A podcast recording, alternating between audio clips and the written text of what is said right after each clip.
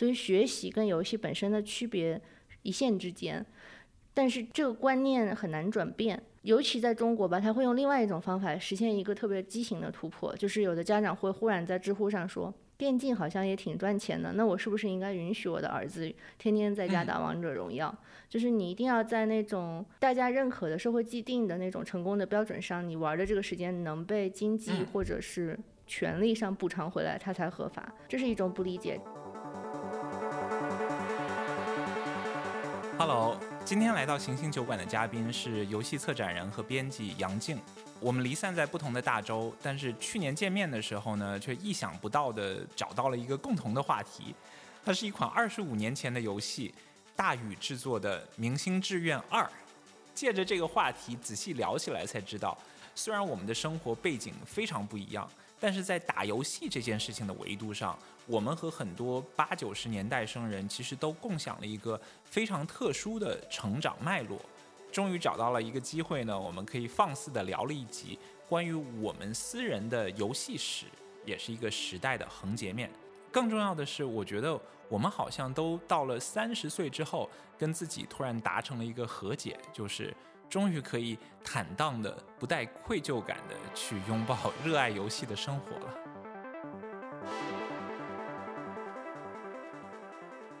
那杨宁老师先介绍一下自己。好的，能不能别叫我老师？Alison 应该怎么都可以，就别叫老师就紧张。我这两天还在想这个问题，我就是别人一叫我自我介绍，我就会陷入一个小的焦虑，因为我生活中做的事情很多。彼此之间看上去是没有关系的，就是如果很多人知道我是因为我做游戏，过去六七年百分之八十的工作都是跟游戏有关的，因为游戏是玩，就是很不认真、很不严肃的东西，但我看上去要做很认真、很严肃的东西，比如说做新闻啊，或者做研究啊，然后做一些。社区建设，嗯，我自我介绍之前是这样写的，就是我是一个喜欢游戏，然后运气特别好，游戏也喜欢我的人，所以我有机会可以写游戏、做游戏、展览游戏、做游戏的社群建设。嗯嗯嗯，基本上跟游戏能发生关系的，我都发生了，就在我有限的个人经历和能力上。感觉你这个自我介绍就是我小时候的梦想。我那个时候就会买那个电子游戏软件或者那个杂志嘛，很多游戏杂志，然后就觉得，哎，我的工作如果是和游戏相关的，那该多幸福啊！每天就是 打游戏当工作。我我想起来，我跟好多人讲过，他们不记得有这样一个广告，我都在想是我编出来，就是我小的时候联想有过一个广告。应该是卖电脑的，就有一群学生和青年说：“我打游戏。”然后他们就打开以前的可能 ThinkPad 之类的电脑，黑黑的，然后再有两个穿西装的人。过来就特别屌，说我们做游戏。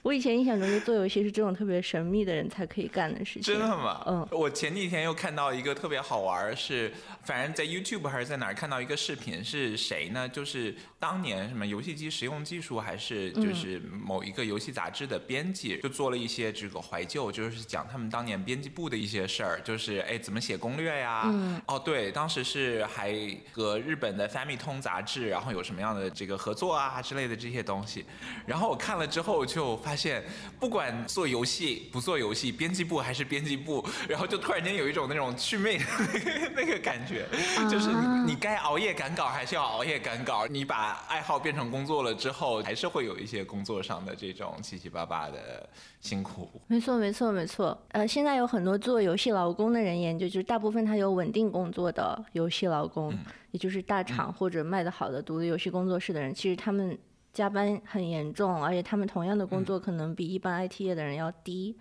原因就是你的雇主或这个行业制定薪水的人会觉得你在做你喜欢做的事情，就是你应该知足了，你不应该既喜欢做这个又还拿那么多钱。好，游戏的人和媒体人在这个方面是不是很像？对对对对对。你的工作是怎么样和游戏发生关系？其实我后来就参加会议，我发现每个人的故事开头都是一样的，都是小时候特别爱打游戏。但是后来就有的人走的比较快，有的人很慢。如果他是一个美国人或者加拿大人，是个男的，那就很容易，就是他很小的时候，他爸妈就给他买了一个电脑或者买了一个家用机，然后他学会了编程，这是一种。我这个比较曲折，我小的时候是个好学生，就打游戏是偷偷打的，因为我成绩没有下降，所以家里的人也不是特别的生气，但是。我就总觉得打游戏是一个不应该干的事情，但是我偷偷干了会有爽和快感的，从来没有想过自己能做跟他有关的工作。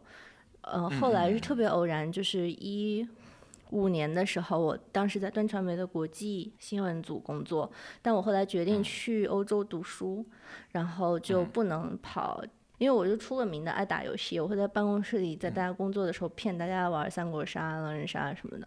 然后，然后他说：“要不然你就写这个吧，因为也没人写，没什么人写那个时候。”然后就开始写，写的过程中，因为你是记者，你就很直觉的觉得你可以去访问别人。嗯嗯嗯。如果你做游戏类的工作，你会发现基本上做游戏的人是最容易被访问的，而且大家都很开心。嗯。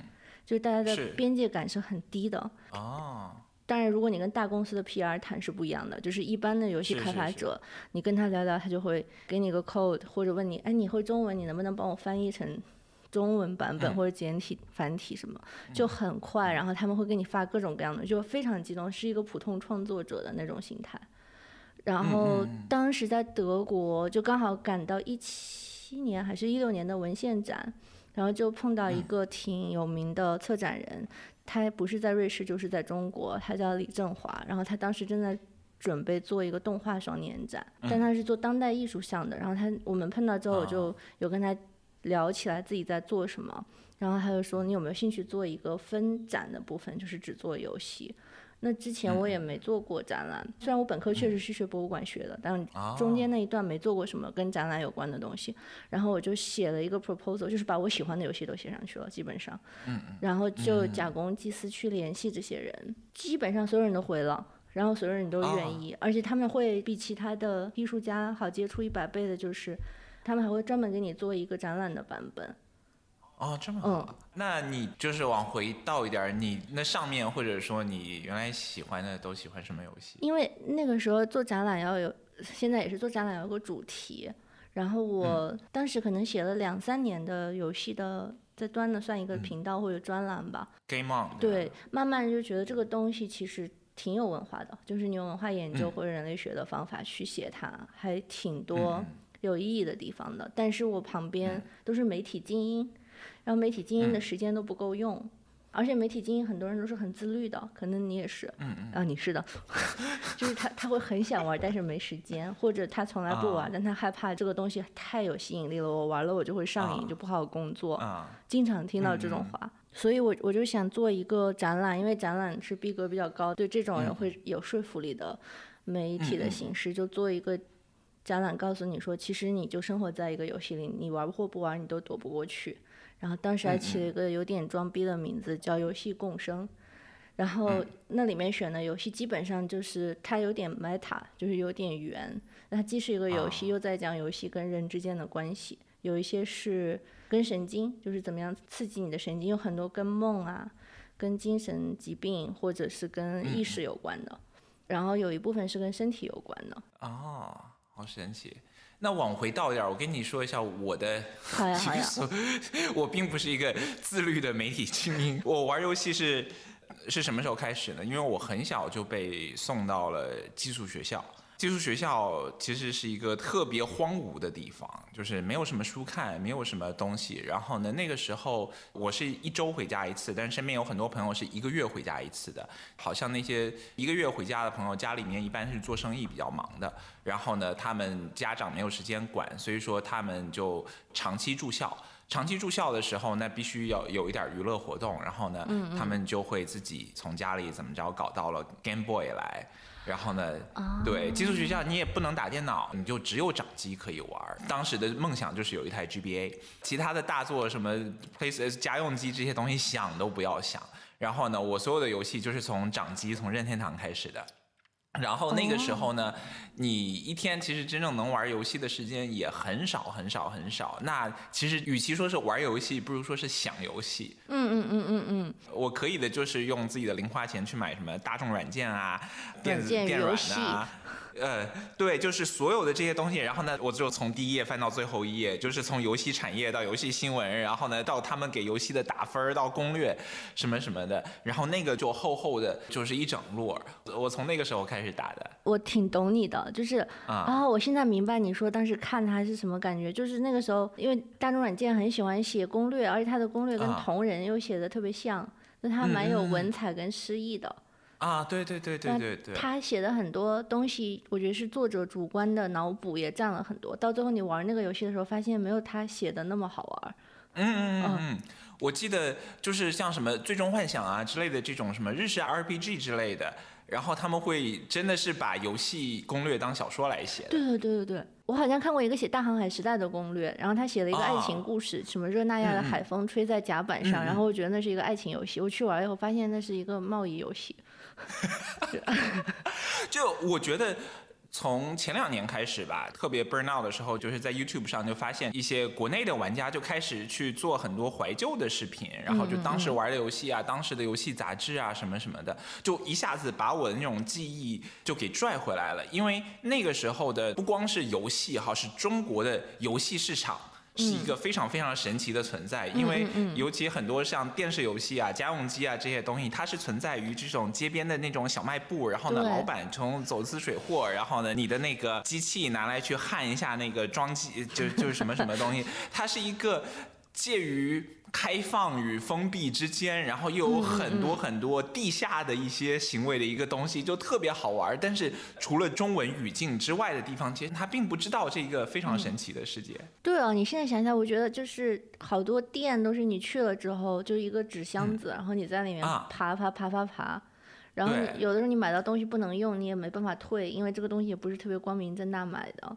是是是是是，像有一些很神奇的词哈，我们来 Q 一下，一个词叫。藏经阁哦哦哦，知道，就是 七块钱买五十块钱的游戏，但是那五十块钱是盗版的，嗯。对，然后还有芝麻开门。哎，我真的，我以前以为芝麻开门是正版游戏。芝麻开门是正版游戏啊？因为他卖一些台湾游戏，我问台湾的 OK 做游戏产业的人，他们说其实还是盗版的。是吧？就是贵的、质量好的盗版。OK，我看到的我的搜索好像是芝麻开门，它是很多游戏厂商，它比如发了这个游戏不红，然后就二次销售，就可能某一些游戏在 again 就是鱼龙混杂的一个市场里面，它可能有一部分是所谓半正版，然后有一部分又是盗版，或者说跟某些公司谈了一点发行权，但没谈下去吧，somehow 又可以出版，我觉得应该有这种可能性吧。有，就当时还蛮贵的，我记得都二十八、四十八，对小学生、中学生来说还是贵的。我就觉得，从我真正玩游戏，就大部分的成年之前的玩游戏，就全部都是在掌机上。就是我买了 GBA，后来是 PSP 吧，还是什么的。然后我所有的游戏，它有一个要求，就是它不可以太刺激，它不能是太是动作游戏，因为我要端在被窝里面玩。然后我就记得我小时候最痴迷的就是火焰文章。一个是它是回合制，它可以让我比较冷静的玩还有一个我在游戏里面最喜欢干的事情，就是我可能在前三章的时候就疯狂的练级，就是一件一件的去射那个 boss，然后就一点一点的攒经验，然后呢攒完经验了之后就可以横扫四方，就是我特别喜欢农东西。天哪，就是你还小的时候就开始干了是吗？小时候就开始干了，那个时候因为我就觉得我因为我在学校里面，它很多时候你也不能回家，你很多东西是你没有控制感的。然后呢，在浓东西的时候，我在这里找到了一种特别强烈的控制感，就是我可以改变自己的命运，我可以在一个很不好的环境里面，我用一点一点的东西来来把自己变得很强。哦，我觉得是吧？就是小的时候，你对游戏的代入感是很强很强的。嗯嗯嗯。你知道它是假的，但是你在那个假的里面投入的时间和信念都非常的强。对。我们上次不是聊，就你说我知道为数很少的男生知道明星志愿的吗？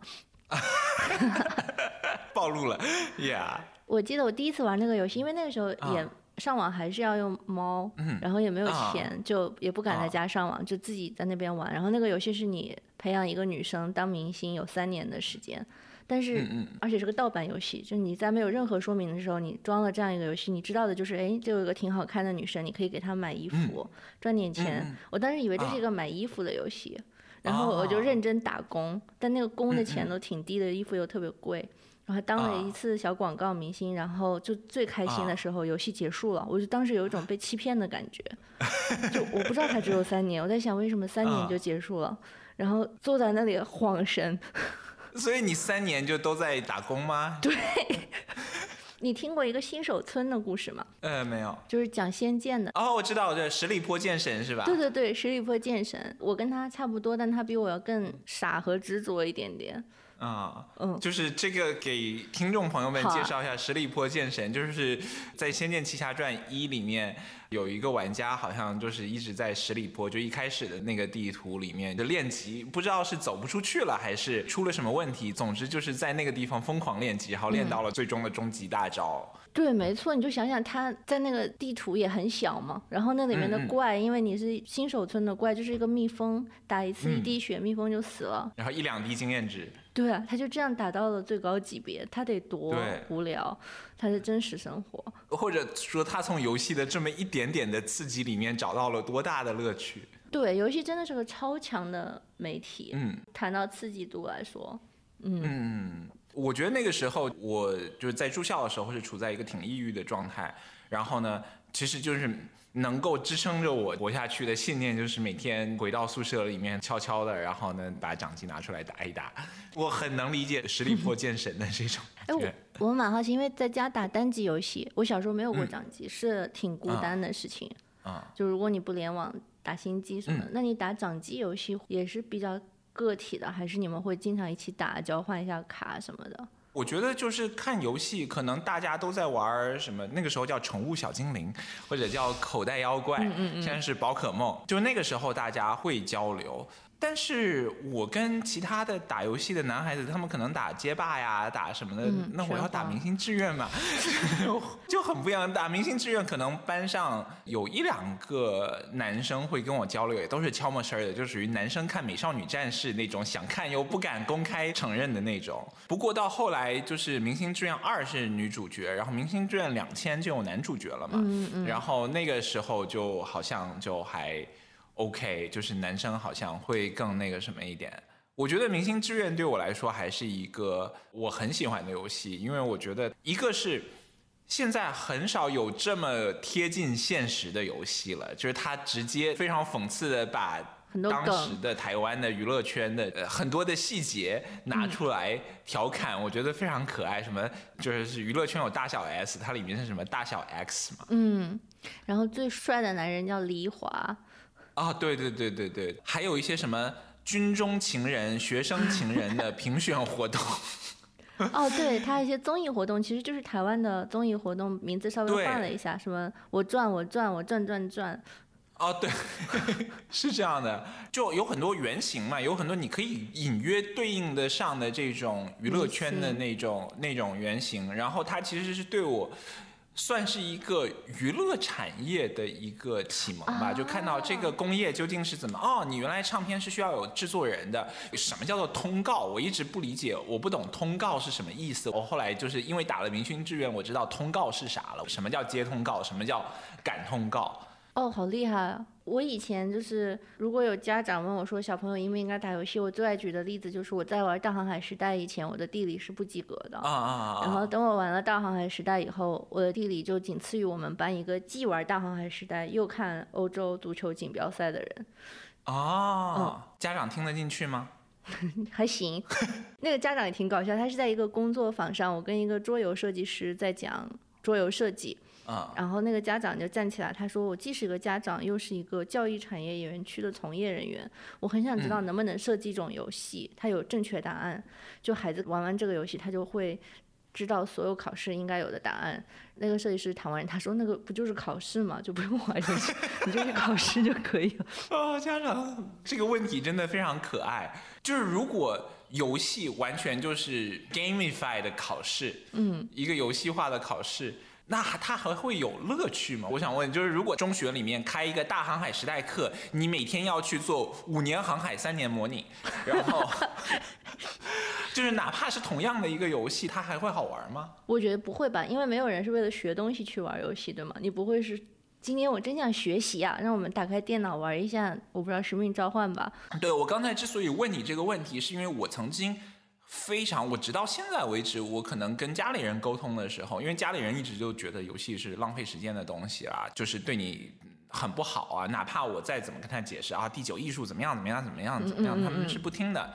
我记得我小时候嘛，当时是就是买了那个一些游戏的原声碟，还是古风的。新绝代双骄的原声碟，宇俊的，宇俊科技。对，然后呢，我就放给家里人听。我大概就是说，啊，游戏里面，我觉得那个东西就是又是古风，就是家里就是天天搞养生啊、中医啊之类那些东西的。然后呢，我就觉得，哎，这个古风的东西，他们应该会喜欢。如果他们喜欢这个的话，那会不会觉得，哎，好像游戏也并不是一无是处呢？就是它好像有一点寓教于乐的成分在里面。但是他们听了就完全没听到。没有任何的感觉。后来我就意识到，哦，这个东西其实，他们如果认为这是一个坏东西的话，哪怕我再去跟他证明说我可以从里面学到多少东西，其实我没有办法改变他们的观点。哪怕这个东西我从里面得到了各种各样的东西，但是对于他们来说，他们很难去。我不知道你有没有成功的劝服，或者说让一些家长或者对游戏有成见的人改变这种观念。因为我经常遇到这个问题，我后来分析了一下。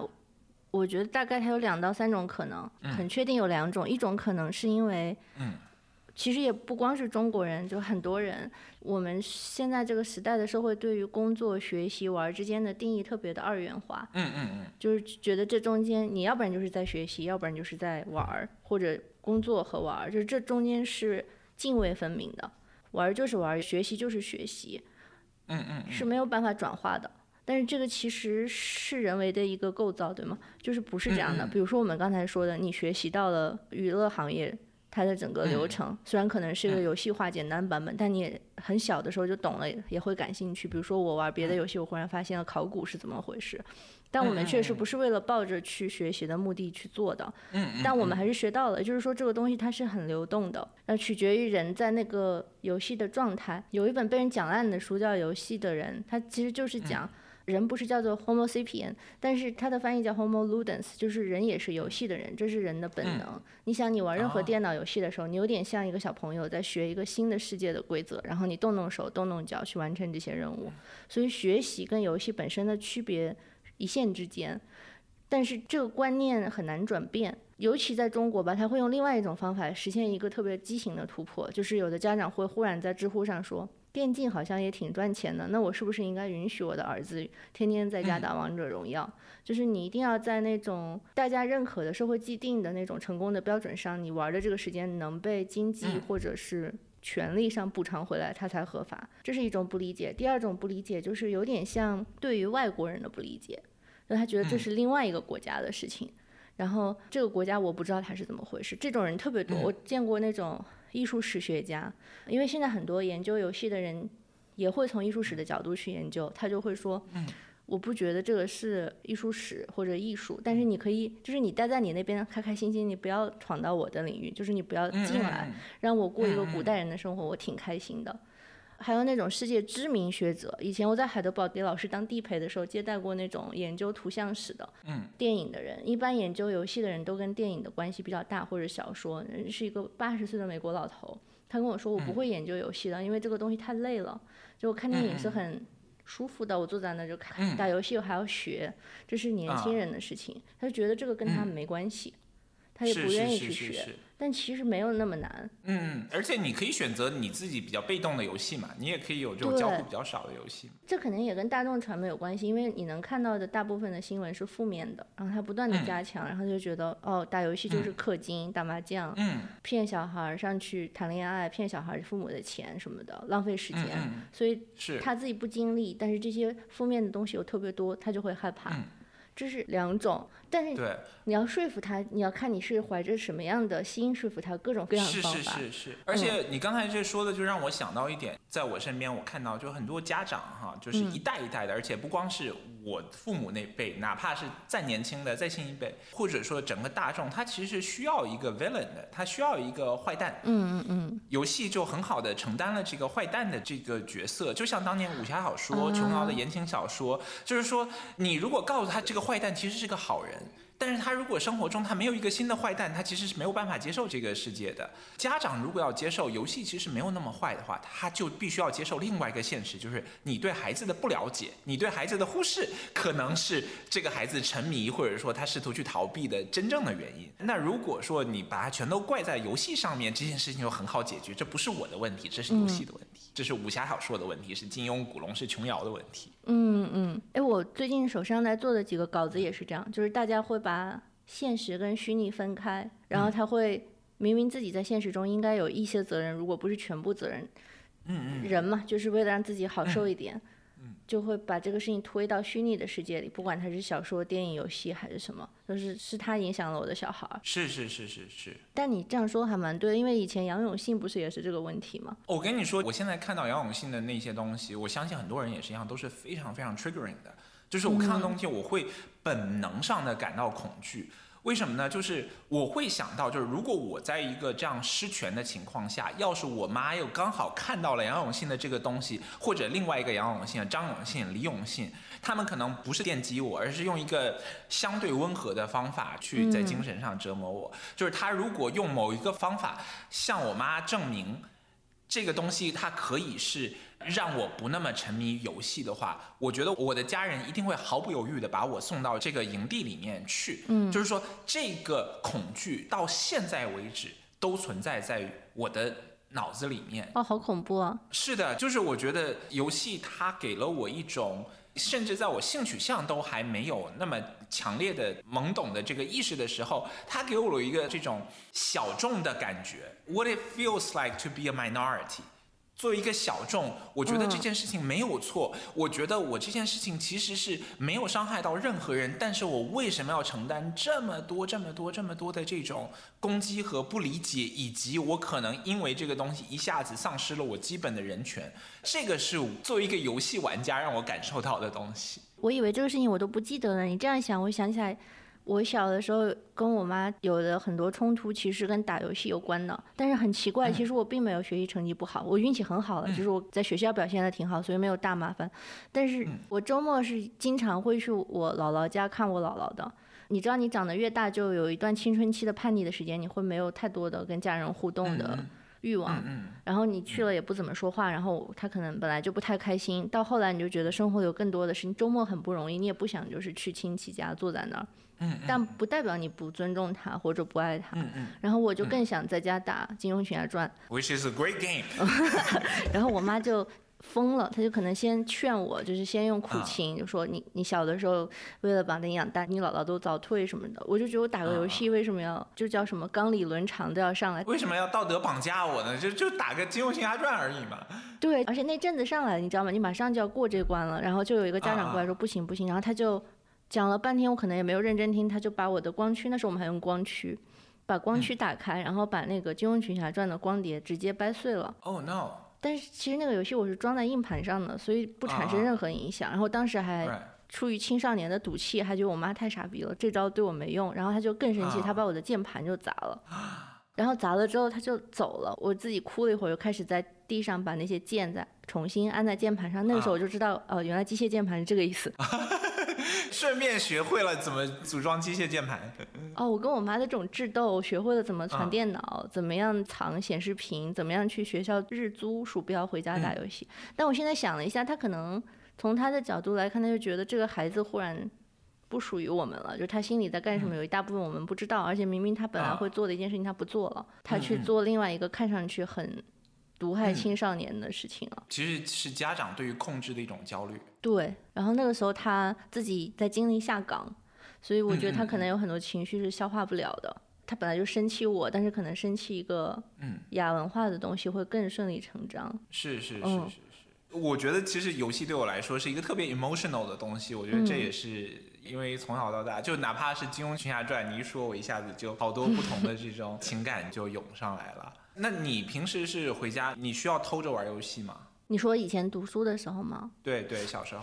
我已经到了一个病态的例子。我跟你讲，我曾经有过一个假期是这样的，就是我每天早上九点多出门，然后要去上一个英语补习班，但是我其实没有去上，我就在家门口溜达大概十多分钟。算了一下，我爸妈应该上班，我就开始给家里那个时候还有座机，就给家里打电话。没有人听，就说明我家没有人。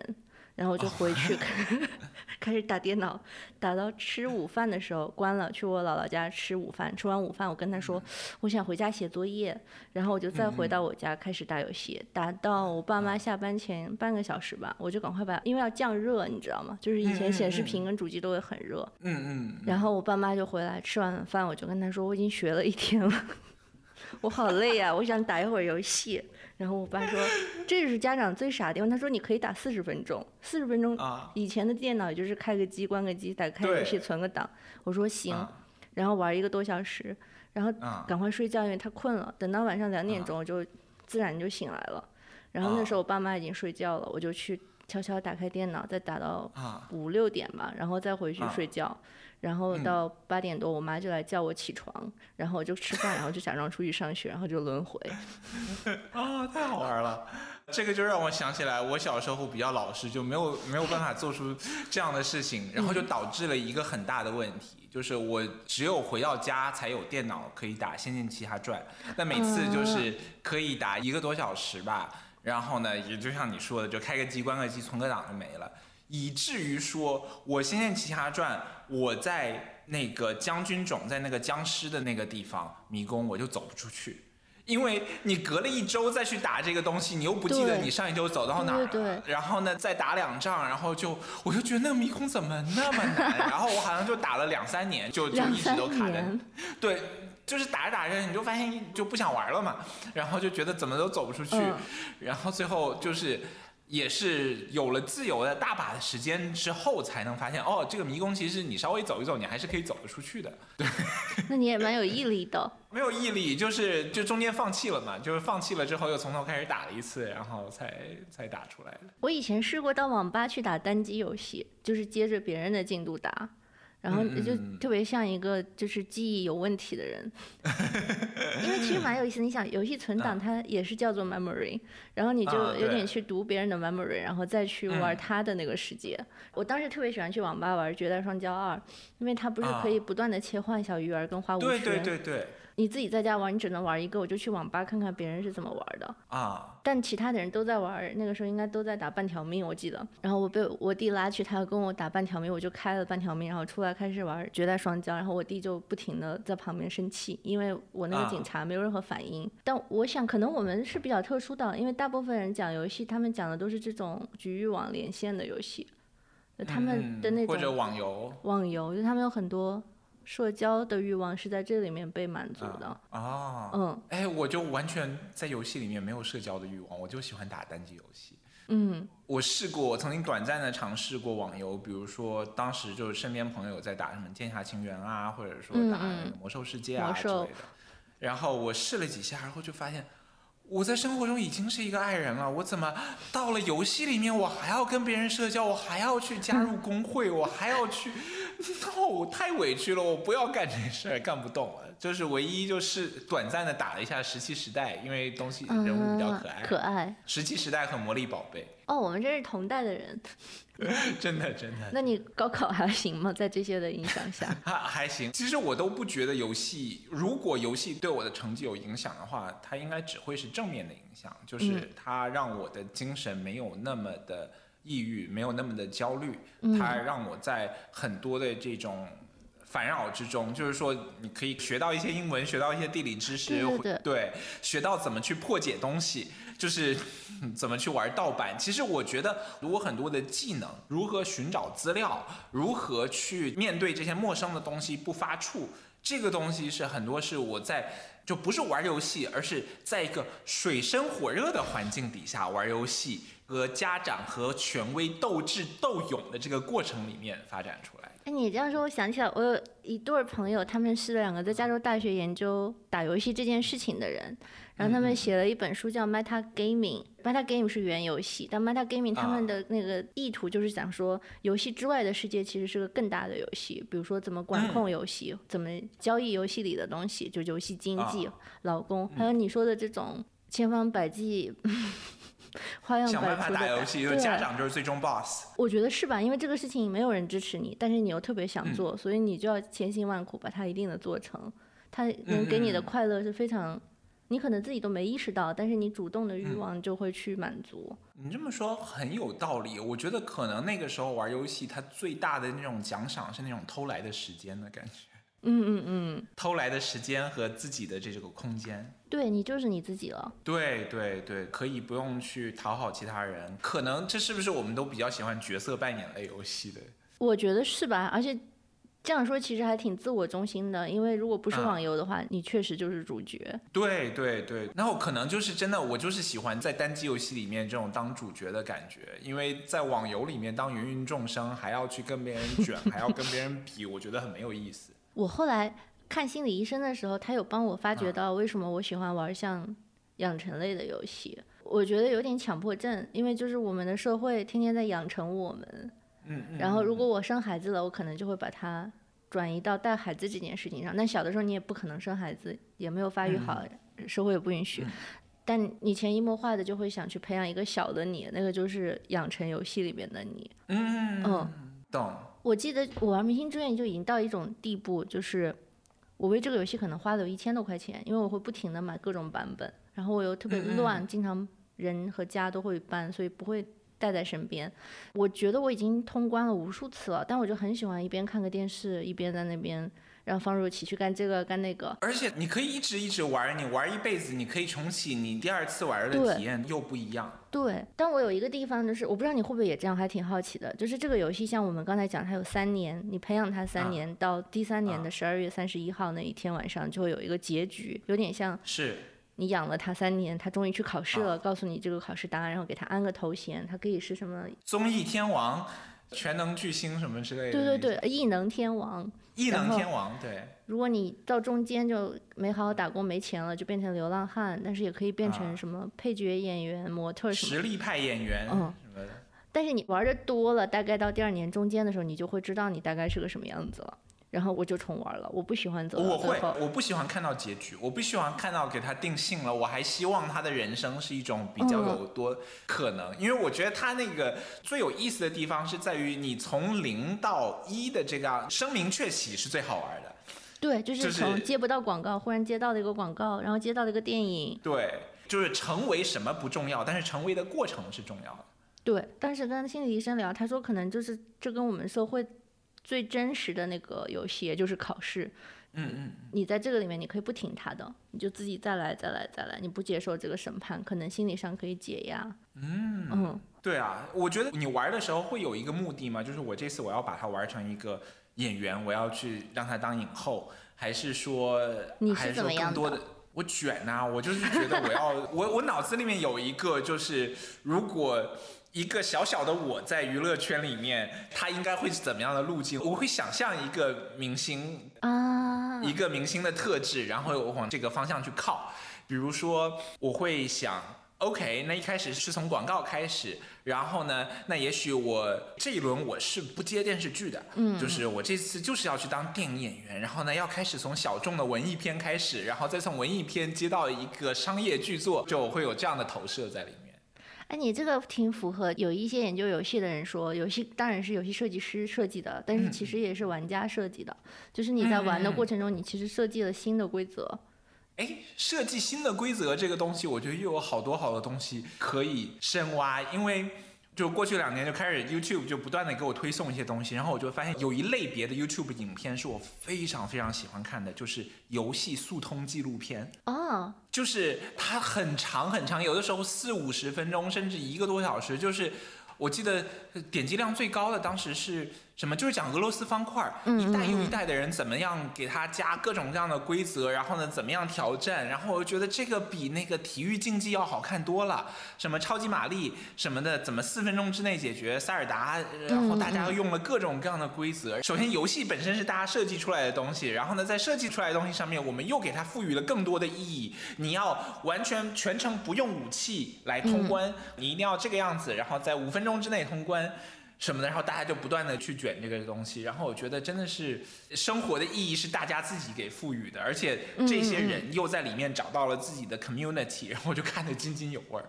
现在完全是这样的，因为到了一个你们做电影和电视，可能上个世纪六七十年代就已经到了可以完全反思这个 media 的时候，你可以做各种玩类型啊什么，我觉得游戏已经到了这个时候了。有很多人是把自己的处境放进去的。我有一个朋友，他是一个跨性别的女跨男的游戏设计师，然后他最近在设计的一个游戏，就是其实也是宝可梦，但是呢，在这个游戏里面，就是你不是幻兽帕鲁吧？这还没做好，就是你还是可以驯化小动物，但是它不一定会为你服务，就不是你说去打它，它就去打。林东尼，嗯，而是它要跟林东尼有一些关系，跟我有一些关系，然后我们跟他有人跟动物或者人跟人之间的感情和羁绊，然后他会有一个判断，就是我应该怎么样去跟第三者去互动，所以他把那个主动性从一个权力的命令和操纵或者奴役的关系变成了建立连结或者是友谊。还有一个我的朋友，他叫李瑞璇，他做了一个游戏叫《加油小土璇》。然后那个类型说，他说这是一个超级玛利亚游戏，就是在这个游戏里面有两只土拨鼠，然后有一只女的土拨鼠和一只男的土拨鼠，他们是一对情侣，但是男的土拨鼠在游戏一开始就发生了问题，就危险，女的土拨鼠就要去救他，所以就是反过来的超级玛丽，就是不是玛丽去救公主，是公主去救玛丽。然后他还加了一个特别有意思的梗，就是它有不同的关卡，在每一关开始的时候。你还不能先去救你的伴侣，你会尿急，然后你要去在这关找到厕所，找到马桶，然后去解决这个小便的问题。他说是因为他经常做梦梦到自己有这个紧急的情况，然后他也去找学心理的人了解，然后那个人说，因为他生活中就是一个把自己的需求往后放的人，嗯。然后经常会延迟去首先满足别人情绪的或者实际的需求，所以他跟很多人聊，发现好多女生或者是同志都会有这个倾向，所以这个游戏就要把这个 highlight 出来，就是你先不要去救公主玛丽露西，先不要管他们，先去尿尿，嗯，先把膀胱解决了。然后再干这些。尿尿是一个特别特别基本的一个需求，而且对于很多小众群体来说，就是一个地方你可以安全的尿尿，这个地方才是安全。对，而且它很多就是你会觉得很屈辱的东西，或者很耻辱，比如说你要是长期不尿尿，你可能还会有什么 UTI 叫什么尿路感染啊，嗯，就之类的。然后你就会想，一个是这件事没那么重要，然后它一旦发生恶果，你要去掩藏它。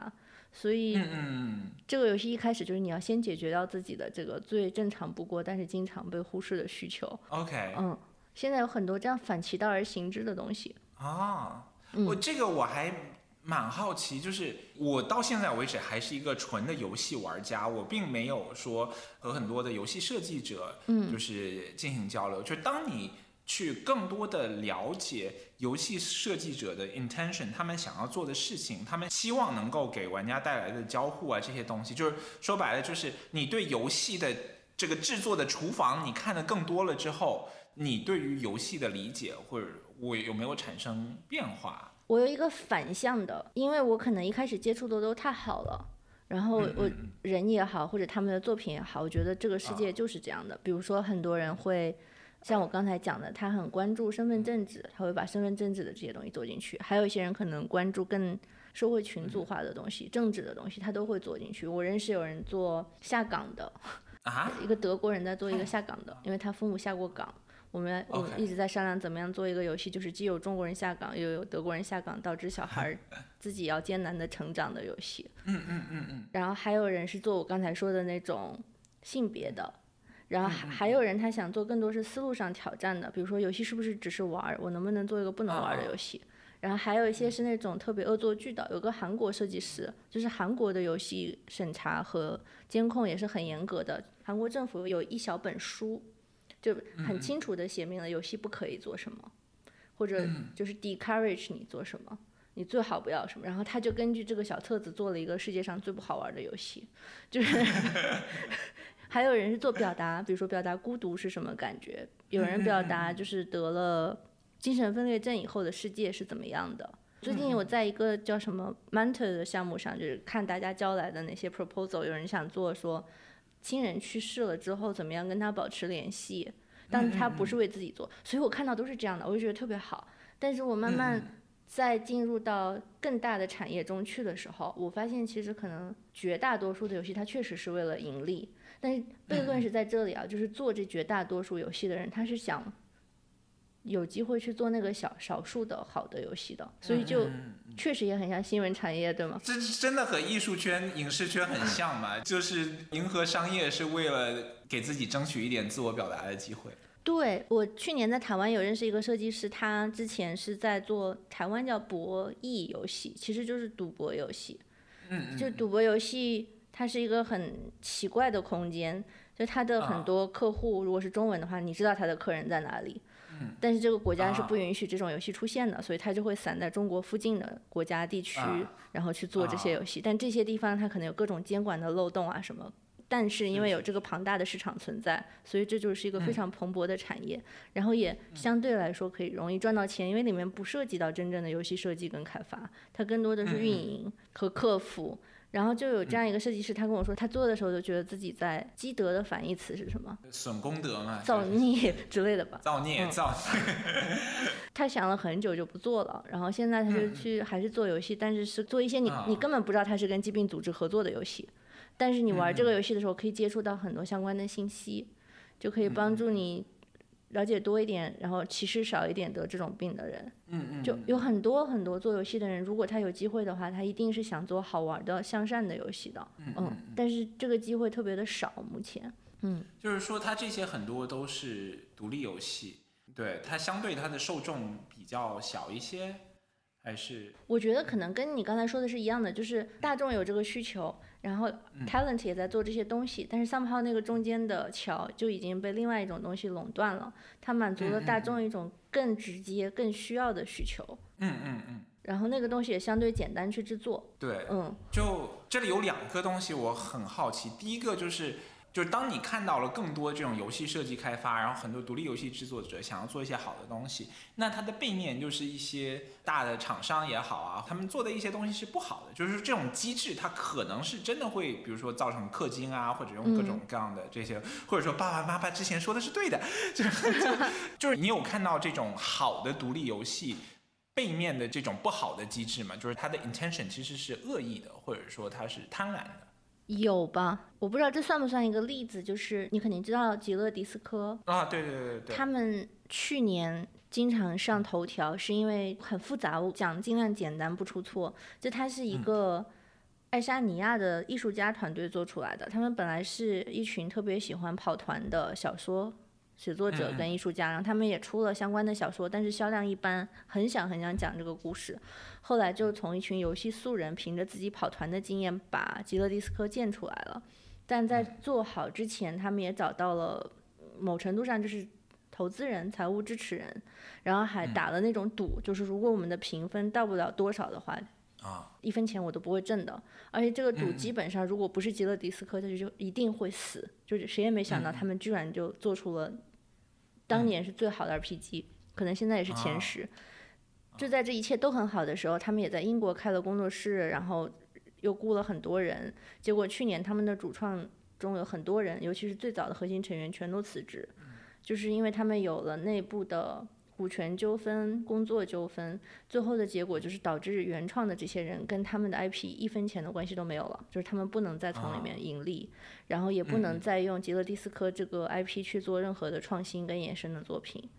嗯嗯。然后他们现在就舔着伤口，要在另外一个地方可能做一个关于如何在邪恶的资本主义社会打官司的，这样是真的，肯肯定细节有出入，但是啊。是这样的，但我在想，你可能也很熟悉这种故事。好多啊，就是中国语境，就是《金庸群侠传》嘛，《武林群侠传》嘛，对吧？就是志冠和那个徐昌龙的工作室也出现了这个纠纷，不是最近那个官司还打赢了嘛？就是徐团队就还挺替他们开心的。我看现在就是我认识心态比较好的做游戏的人，尤其是独立游戏的人，他们都在找一种另类的生存方法，就是如果他真的好了。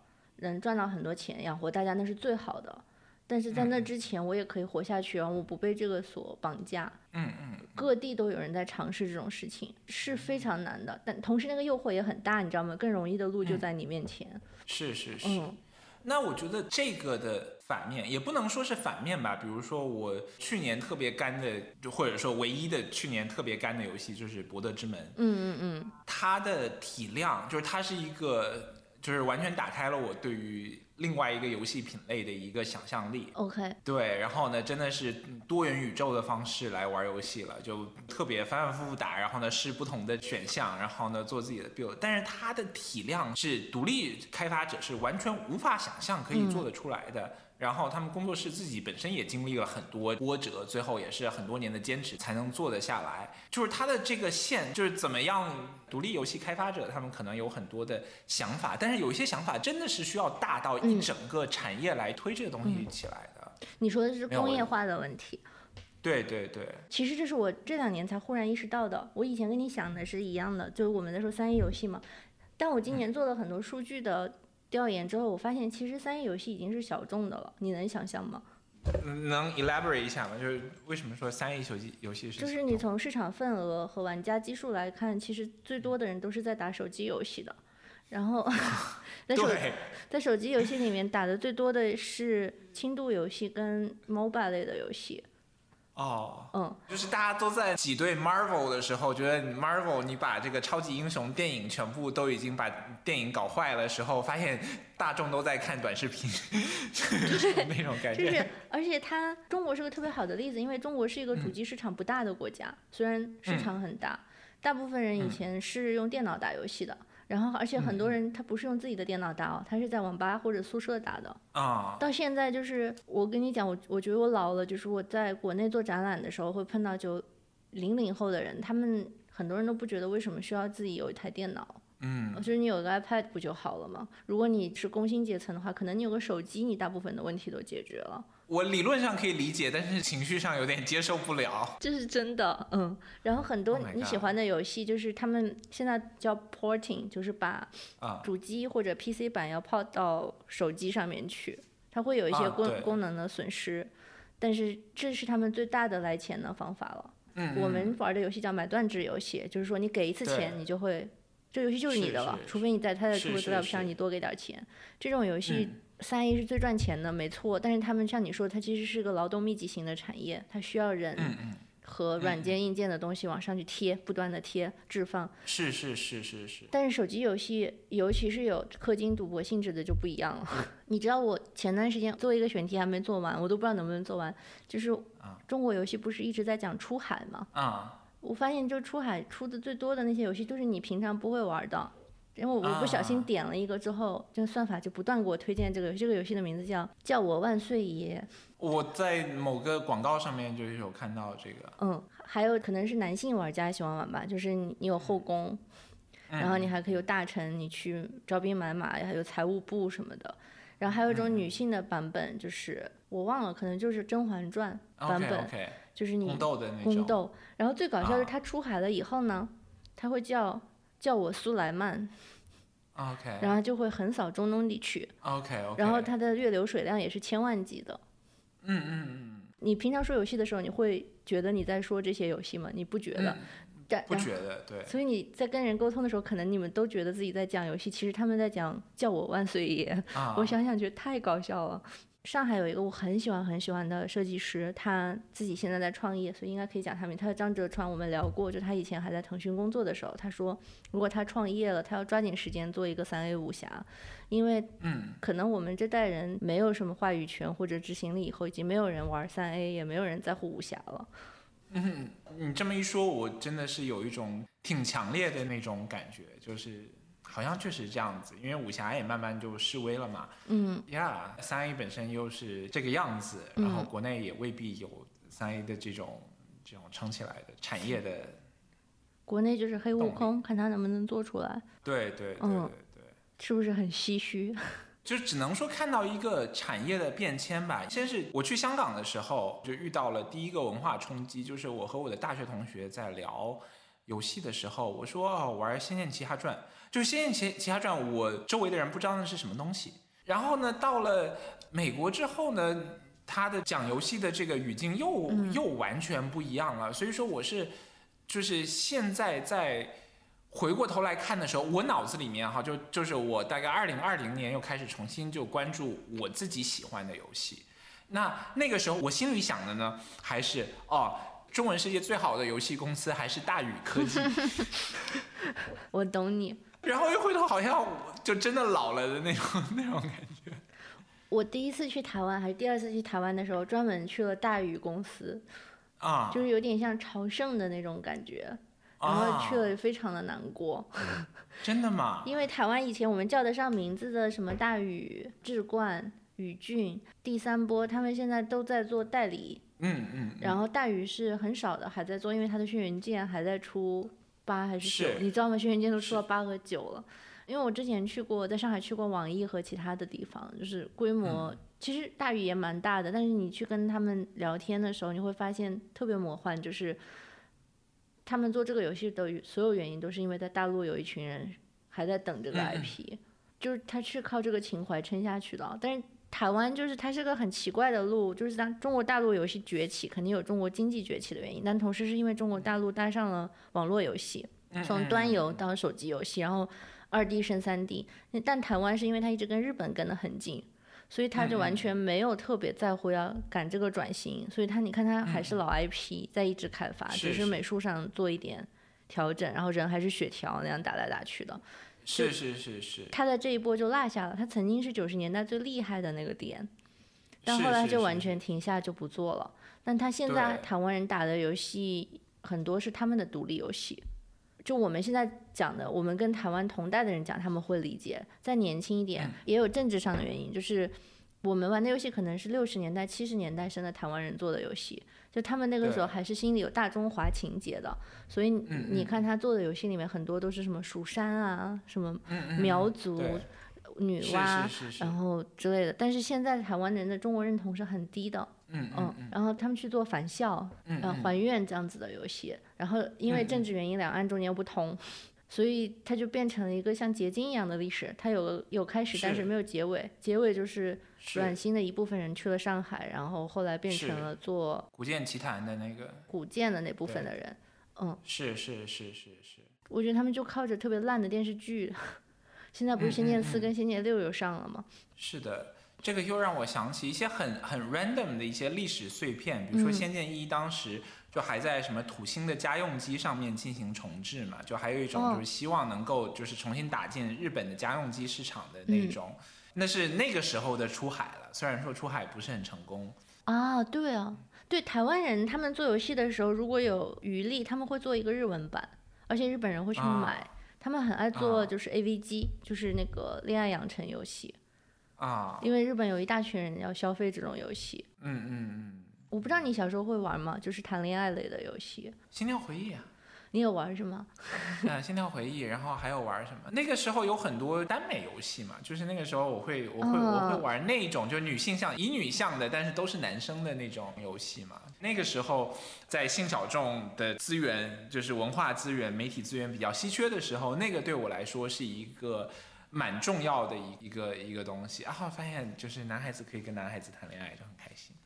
哎，你是怎么找到的呢？那个时候有很多论坛啊，就是很多 BBS，然后他们还会做汉化，然后还会有什么，就是这个又是一个非常神奇的，在那样一个很狂野的时代，有很多很多的志愿去做汉化，然后呢，志愿去移植。就包括，甚至说，你看《金庸群群侠传》迟迟不出续作，然后就有很多的爱好者去把它改成了各种各样不同的这种这种续作。所以说我记得当时在很多论坛里面，他们就会发这些游戏的 ROM，然后呢，就是有的是日文的，有的是汉化的这样子。电驴有用吗？电驴有有有有，那时候有用电驴。反正那个时候就有一种在我的时代印象里面，那样子的去玩游戏是和打口碟。电驴各种各样奇奇怪怪的音乐，所有这些东西是连在一起的，就好像有一种互联网拓荒感。但是现在这种拓荒感其实是因为工业不断的完善，你看东西在都在 Steam 上面，这些其实是慢慢越来越少了。当然也可能是因为我比较忙了，很少有这种时间去真的让我在互联网的犄角旮旯里面再去找一些比较神奇的东西。我觉得你说的是对的，不是你不知道，是确实是这样的。就很多设计师跟我说，现在做游戏很辛苦，跟以前比，因为媒体的需求也很强，所以一个游戏一出来，所有的攻略也就出来了，没有什么神秘的感觉了。嗯嗯嗯嗯。然后你要想很多方法。是。现在出现一种潮流，就是我不是说我啊，就是游戏设计师，从我做起，我不做长游戏，我只做短游戏了。嗯，他的这个动因是什么呢？他其实有理性的判断，就是说。玩家普通人没有这么多时间，很少有人能花一两百个小时去打一个游戏，除非他是个学生。但现在学生也很忙。嗯嗯嗯。另外就是像你说的，他也没有这个工业基础去做啊，所以他就做短的，表达一下自己的态度、自己的视角，想讲的一个小故事这样。嗯嗯。然后他就会慢慢的小社群化。嗯。我相信你刚才说的那个体验，它有种替代品，是跟你的完全不一样的，因为你还是一个。像你说拓荒者，就是你也不知道别人存在，别人可能存在，但是存在的时候，你也是只能远远的在电驴还是在什么，嗯嗯分享。有很多小圈子互相的那种，就是传暗号一样的，就把这些东西给发掘出来。现在是属于大家可以聚在一起做这个事了，但是这个事情的传播率可能反而没有以前那么高，因为他马上就找到了自己的受众，他就内部消化了，然后他也不需要别人去支持他，因为他也不是为了盈利。是是是是。它有点像可能你们做音乐做一个 jam，做一个演唱会这样的感觉。嗯嗯嗯，就有一种你要是去售票系统里面买票的话，你可能买不到最好的现场，你可能最好的现场都是在大家口耳相传的一些，就是你得在这个地方，就是朋友的朋友在作为 DJ 自己在家里面在在后花园开了一个 party，你才能听到那些。我忽然就意识到，其实做社群还是挺有价值的。就是比如说在纽约、加州几个主要的城市，然后国外的话可能墨尔本、东京、首尔、上海，就是这种主要的做游戏的地方之外，大家还是很分散的。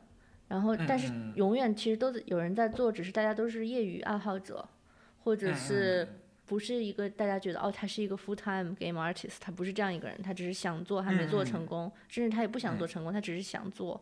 有很多这样的人的，然后如果做社群的话，你其实只要为大家提供一个空间，然后，嗯，游戏可能和音乐很像，就是它是一个，你也可以一个人完成，但是如果有很多人一起做会非常有意思，因为大家有不同的 skill set，嗯嗯嗯嗯，它是多工种的，然后你做的时候，每个人带来的也不只是自己的技能，也有自己的经验啊、想法、故事什么，所以有很多碰撞，但是你需要提供一个机会让大家见到。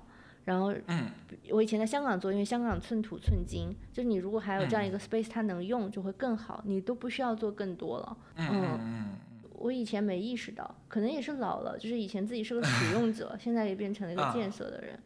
社群的形成，我觉得它就是需要很多很多的时间，嗯，需要很多很多的情感去互相去维系这样的一个东西，但是其实它是。就是有的时候可能真的中年人就很难做这件事情了。这个你让我想起了一个很唏嘘的事情，就是因为我刚才不是说我喜欢打火焰文章嘛，嗯，然后呢，国内有一个火焰文章的社群叫做火花天龙剑，我不知道听播客的人里面有多少人知道这样的一个论坛，嗯，就是。我是会上几个，就是哪怕到了现在，我会去上几个十几二十年前的论坛，我就想知道这些人还活着没有。就是我可能没有在这个论坛上说过任何的话，嗯，但是就是曾经我在那个地方看过大家的讨论，然后呢，我就前一段时间，也就是二三年的时候，我还去火花天龙剑上面，然后就看它上面就是公告，就是大家最近什么班主因为曾经的原因怎么样。就不活了，但是他们可能就是那个公告是几年前的吧，然后就是因为事情很多，就没有办法再进行的这个回复啊，然后呢没有办法对论坛进行维护。但是看到这样的公告，我已经很开心了，因为我知道这样的一个社群它有了一个结尾。嗯，它有一个 ending，但是大部分的社群它其实是慢慢的就消融了，就消散了，大家就是在昼夜厨房与爱里面就就慢慢去做自己的事情。奔天涯，嗯，对对对对对对。那这个又回过头来，我其实很想问你一个问题。好，去年有一个热词嘛，这个热词本身是挺 sexist 的，因为它完全不考虑女性的感受，就是电子阳痿，就是女生也是可以电子阳痿的嘛，就是或者说女生也会感觉这种疲劳，就是说。热词之所以成为一种热词，是因为它一定是 touch upon，就是某一种时代精神，就大家可能对于电玩、对于现代游戏有一种共享的这种疲劳感，你怎么看这种疲劳感？我想的是，可能作为一个从业人员，因为我我们二零二一年完成了自己的游戏，然后它是个电脑游戏，所以我们是在 Steam 上发的。那个时候我本来就有一个模糊的印象，就觉得每天 Steam 怎么都这么多新游戏。嗯。但是你是还是消费者的心理，你会觉得也挺好的。你现在要做的就是淘宝，真的去淘一个宝出来。但是当你是制作者的时候，你就会很大压力，你就在想。每天好像现在有八个还是三十个游戏在 Steam 上发行，嗯，那你就是八分之一，是三百六十五分之八分之一。如果是一年的话，那你应该怎么办？别人要不要玩你这个游戏？你值不值得让别人去玩你这个游戏？嗯，而且在这个行业里，就是我觉得可能娱乐行业、文化行业都是这样，就不断有人告诉你说我做了这个，你要不要看一看？我做了那个，你要不要看？像你说的小时候的梦想都实现了，对吗？就是你你在最前线，别人都愿意给你看，甚至你还可以给意见，但是你没有时间了。我我想过是是因为我的原因，还是因为整个时代是这样的？我现在觉得可能都是，但是它也是内容行业永远的一个悖论，就是这里面好的东西其实还是非常非常非常少，因为它的门槛变低了以后。自我表达的人多了，但你可能其实反而看不到，因为他们也没有资源、跟能力和意愿去推销自己的东西。你能看到是要盈利的东西，而且现在很多你能看到的也都是它背后的平台资源很大很大的。嗯，去年有一个挺大争议的事情，在年尾还是年中有一个潜水员钓鱼做寿司游戏。哦，那个 Dave the Diver，对，我都我疯狂玩，我最近就是这是我沉迷的游戏之一。对。哦，他确实挺适合干的。对，然后呢？他的争议在哪？他的争议就在于他得了，我忘了他是得了提名还是最终得了奖，就是最佳独立游戏奖。他没得奖，对，但是有提名。星之海是拿奖的。那个点就在于到底什么是独立游戏？因为很多人觉得它是独立游戏，但是后来发现它的背后相当于是韩国的腾讯，在韩国有支柱产业腾讯的那种感觉的一个公司 Nexon 去做的。是是是。那它还算不算呢？就好像。可能它的替代品就是，如果你王者荣耀不是一个 MOBA，它是一个 RPG，然后它忽然赢了，他说自己是个独立游戏，那它算不算呢？啊，嗯，这个真的就是游戏和媒体，就游戏也是媒体的一部分啦，就是，但是就很像啊，就是在电影圈啊什么的，你看到一个新晋电影人，然后觉得非常牛逼，然后一看，哎，人家后面有一整个体系正在支持呢，是因为。呀，他的出身，我或者说各种各样的东西，就是他的独立究竟是有多独立？所以你在想，要不要做游戏了？你说电子阳痿从制作者的角度，因为制作者他的 stake 是更大的，对吗？它不只是我要不要去玩，它是我要不要花时间去做这件事情。是是是是是。而且其实有一个对我来说特别沮丧的事情是，可能是因为我们自己做的那个游戏，它在很多地方看来。是有元宇宙的因素的，所以过去两三年有很多做投资的人来找我，我以为他们想投资做游戏，后来发现他们是想投资做元宇宙。中国也有，美国也有，然后其中有一个找我的人，他还在美国一个很重要的大学，他当然不是为了赚钱去做 adjunct professor，他是为了找 talent，因为他的正职是做投资的，所以。就是帮别人做游戏投资，然后他说，其实现在已经没有人在做游戏投资了。嗯嗯嗯。他供职过微软，也供职过 Epic Game，就是这种 portfolio 的人。他说，其实大部分的钱肯定在投 AI 吧。然后，但是还是很多人想支持游戏产业，但是他们也不会再去投大家所喜欢的这种游戏了。大家会去投，去年还在投元宇宙。今年不知道有没有进化成另外一个东西，像 crypto 也会有很多人投，就是是游戏它有点像变成了内容跟广告的那种关系，就是大家喜欢它是觉得它是个好内容，但是投资人和资本想投它是觉得它是个好广告，好入口。嗯，对，以前找我们做游戏的人，很多人他想做，但他其实根本不理解这个媒体是什么。有人问我说，给你多少钱？不太大的数量，可以做一个 Animal Crossing 给我们吗？我心想在想什么？因为游戏东西可能看上去都很小很可爱，就觉得那个的成本很低，或者就是有一些美术馆或教育产业，就是有余钱 Public Institute，他们想要投资做游戏，他们一定不是想做游戏，他们是想去 Fortnite 里面做一个演唱会，但在他们看来就是做一个游戏。嗯。就我觉得没有人想做基础建设，想做记忆上或者是在做思想上的生根了。大家是想 cherry pick 把这个东西的流量和它带来的时它的红利拿走。对，嗯，就是它不是一个就是也不是考虑机制，也不是考虑玩法，也不是考虑就是这些东西开心，而是就是考虑怎么割韭菜这。他考虑的是商业模式的玩法。啊，嗯，就买断制有没有什么新的玩法？氪金有没有更好的？嗯，而且他有点糟糕的地方就是，很多人还是做这行的人还是很喜欢的，但好像大家心里已经分好了，就是这部分是为了赚钱而做的，嗯嗯嗯，那部分是为了理想，但是理想那个比例很小，然后也只有一小部分人愿意去坚持，或者就是愿意去赌。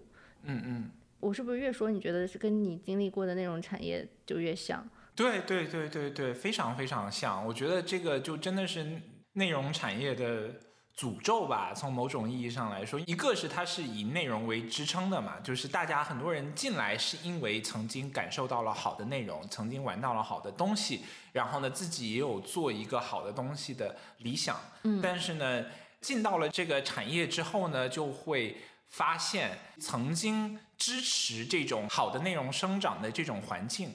已经变了，嗯，已经变了之后，就比如说拿纪录片来说，我原来觉得纪录片啊，我要做这样的故事，我原来要这个样子，后来就发现很多身边很多的纪录片的导演，他们可能花不了大部分的时间来拍他们自己想拍的故事，而真的大部分时间要花在怎么去拉钱，怎么去拿钱，怎么样去去那个，然后呢，或者说在于机构里面的这些，可能大家。大部分的时间是要花在去如何去说服上级，这个东西是一个好的故事。然后上级呢要去说服那些不太在乎这些故事的人，为什么我们要做这个故事？因为他在商业上有这样的打法，他可能去拿到这个奖，什么什么什么，其实就是不断的在把自己的初心打包了之后，看一看怎么样去卖个好价钱。对，夹带一点初心，已经是很大的胜利了。我觉得是吧？确实是个悲伤的故事。那怎么样在这样的一个环境下，依然保持着最对制作游戏和对玩游戏的热爱呢？我觉得这个是最不难的，因为好像不用逼你，你得逼着自己不要想这些事情。嗯嗯嗯，就是你想干的事情就是你想干的，哪怕没有外界的这些支持，只不过有的人支持不下去了。我去年世界上有一个组织叫 Gaia，叫 Game Arts International Art People，就是像我这样的人，然后。每年会聚一下，然后去年我们有聚，然后每个人都要 run 一个 session，我被安排到了最后一个 session，然后那个 session 就是跟你提的问题是一模一样的，就是应该怎么办。然后我还有一个搭档，他是一个大学老师，自己也是做游戏的。我们最后想了一下，就去在多伦多，我们去多伦多的一个那种跳蚤铺子，花了十块钱加币，买了两个工装，看起来又像医生又像码头工人，因为是连体裤，又像宇航员的，白色的。制服，然后我们俩穿上以后跟大家说，这一节我们是两个蒙古大夫，就是我我们行医的理念是久病成医，就是今天 今天可能一开始看不了什么病，大家都在说说自己最近有哪些不舒服，然后我们可能大家都是病友，互相出出主意，然后先小组讨论了一下，结果就好夸张，就我之前讲那个韩国哥们儿，他是首尔的一个有点像独立游戏圈领袖。然后他还做全球非常有名的一个怪游戏展览或者怪游戏游戏节，叫 Out of Index，然后也教书，就是什么都做。然后他说，他去年十月已经在人生的一个非常就是 break point 到什么地步呢？因为他的游戏进度很慢，他有个工作室是有人帮他一起做，着，他是雇主，他要给大家发工资。同时，他的这个 festival 已经 run 了十年了。然后你你你做这个你很懂，就十年是个非常重要的节点，你肯定要继续做做点什么。但是韩国经济又不是很好，就是以前政府还会有补助，去年好像也没有了，还是减少了。但是他为了做这两件事情，就是他白天在超市打工做上架，然后他太太是个音乐家，教钢琴，在大学。但是他们还有一个孩子，就反正为了支持这一切的支出，太太也去超市做收银。然后他讲完之后，就所有人都跟他说说。你别做了。有一个阿根廷男男孩特别可爱，他说：“You have to stop it because we love you, we don't want you to die。”然后，但是很多人一下就共情和理解了，就是因为游戏产业最出名就是，你们也叫这个吗？叫 crunch。嗯嗯。crunch OT 这都不算什么，最可怕是你根本不知道什么时候完成它。然后同时，我们去年开会还刚好是其中一个艺术家。他是做 graphic，他画了一个基于调研白皮书的漫画。那个调研就是调研了北美，也就是加拿大跟美国几个比较重要的游戏重镇，蒙特利尔、西雅图、加州这几个地方劳工的情况。结果发现基本上都很惨，没有稳定工作，没有劳工保障，一些稍微好的福利，比如说产假什么，就你就想就不要想。然后你做了一个好的游戏之后，也不代表你下一个能成功，所以这个工作组也不一定在，就是各种各样的惨。然后最后那个画了一个漫画，那个漫画的名字叫《If You Don't Like the Game, Change the Rules》，但是它是一个 open ending 的漫画。那前面也就是讲了 How this game sucks，但是后面还没有讲怎么样 repair。它现在的 remedy 是比较社会主义的，就是爱和和平，就大家互相关心。是。嗯，就是现在只能走到这一步，但同时他们展现的一些例子。去年可能北美是不是劳工打官司是很容易赢的？就是在西雅图，好像是微微软内部游戏部门有去，他们加入了 Union，然后拿到了一个比较好的 package，然后，嗯嗯嗯，我觉得后来有点像在一个左翼联盟里面听这一切的事情，因为大家解决方法就是去做 co-op 或者去参加 Union，嗯，然后他们问我说啊，那就是。中国或者香港的经验是什么？我我想说，我们有工会啊。鼓掌。Yeah, right. That works out so well. Yeah. 那是另外一个故事，对吧？另外一个世界。Yeah. 嗯，I know. 讲到这个挺 bleak 的东西呢，我想就是回到 personal，就是分享一个细节，就是在我特别 burn out 的时候呢，我就开始了跑步，然后呢，我这一辈子跑步都没有坚持下去。然后呢，在跑步的时候呢，就有一天我就灵机一动，就我就觉得我说我把跑步当做一个冥想，但是它又不是一般的那种，就是脑子一片放空的冥想，而是我想要我在脑子里面就是想象了一个游戏的进度条，我把这个一个小时跑完之后呢，我就是 defeat 我的一个游戏的 RPG 里面的一个 boss，嗯，然后呢，有的时候因为跑步的时候你会有不断的有杂念嘛，如果是。生理上的就是，哎，我觉得我脚疼啊，什么什么的，那我就会停下来。但是我那个时候就想，这其实是 boss 在给我进行我的物理攻击啊。如果呢杂念是，哎，又回到了我的 trauma 或者压力啊之类的东西，那我觉得这个东西是魔法攻击。那我需要去怎么去 approach 它？然后呢，就是因为这样的一个思想的练习，它就让我把跑步这件事情坚持下来了。然后我就突然间对游戏有了一种。新的感觉和体验，就是游戏对我来说，它给我带来一种非常非常好的一种交互的规则也好，一种就是让我去把我很多烦恼。变成了一个可以给到我奖励的一个机制。我慢慢的就是因为跑步这件事情，才让我重新找到了我对于游戏本身的这种热爱。因为它的这种奖励机制，它的这种设计，是我从小到大我很容易理解的东西。就可能从小学音乐的人，可能通过克服弹钢琴的困难，找到了自己跑步的动力。那对于我来说，我小时候什么东西对我的抑郁、对我的这种焦虑最有帮助？那它就是。游戏，所以说我从那个时候开始就一下子就觉得，哎，哪怕就是我可能没有什么很多新玩的游戏，但是我脑子里面这个红条和蓝条是别人拿不走的，就 反正挺好玩。你知道吗？你刚才脑补的这些已经是个很厉害的游戏设计师了，你做的其实就是 Switch 健身环啊。这是什么意思？你能解释一下吗？你没有买 Switch 健身环对吧？哦，对，有有有有有有，我有健身环大冒险的那个。你刚才跑步的时候脑补的一切，其实就是健身环大冒险里面图像设计出来的东西。哦，对哦，嗯，真的哎，就是跳一下，然后还能吃到跳一下，对啊对啊，跳一下躲一下什么人，然后去打一个什么人。对对对对对，它可以让我就是每个人的这种冥想，它各自有各自的这种方式引导冥想，然后我就发现，哎，游戏对我的冥想让我这个专心致志特别特别的有帮助。哎，你这样说，我忽然觉得我能想到一些正面的东西了，就是，嗯嗯，可能设计游戏跟做游戏的权利，并不是被游戏行业独占的，嗯嗯，那它是人的一种能力，也是权利，是是是是是，就是跟我以前想的不一样。比如说，我现在也不会编程，然后但我可以，我现在已经完全很诚实和自信，可以说我是个游戏设计师，因为我意识到设计游戏这个事情，它不只是编程。嗯嗯嗯，而且它不是一个高深的东西。其实我们一直在学，比如说你小时候对过家家，你会设计一些你可以做什么，不可以做什么。是是是是是是，这个就已经是了。就人是需要游戏的，就不管它是电脑游戏，它还是什么什么，人是需要玩的。嗯，就哪怕我们现在如果面对面的话，百无聊赖，拿一张纸出来画几个格，然后都可以开始下五子棋。我们是可以去用各种各样的方式。来在其中找到乐趣的，只要这种的最基本的这种人性它还在的话，我觉得我们总是可以找到一些方式去创造更好的游戏。我收了一套特别神奇的卡牌，叫清零。嗯，清零。对，它是 防疫清零的清零吗？对，它是一套游戏纪念卡牌，它是一群上海封控的时候上海人做的游戏。这群人都是一个叫什么密室逃脱俱乐部的用户，所以他们都在一个群里。嗯嗯嗯，就离得不太远，应该是一个区的。然后封控的时候不是就没有密室逃脱了嘛？但大家可能也都关在家里，就开始聊天。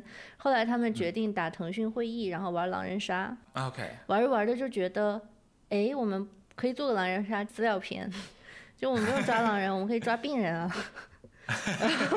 我们可能没有预言家，但是我们有检测的，然后，然后还有团长啊，然后还有什么大白之类的，然后他们就做了一个 Excel 表格，然后这个表格就写着职能，还有身份，还有技能。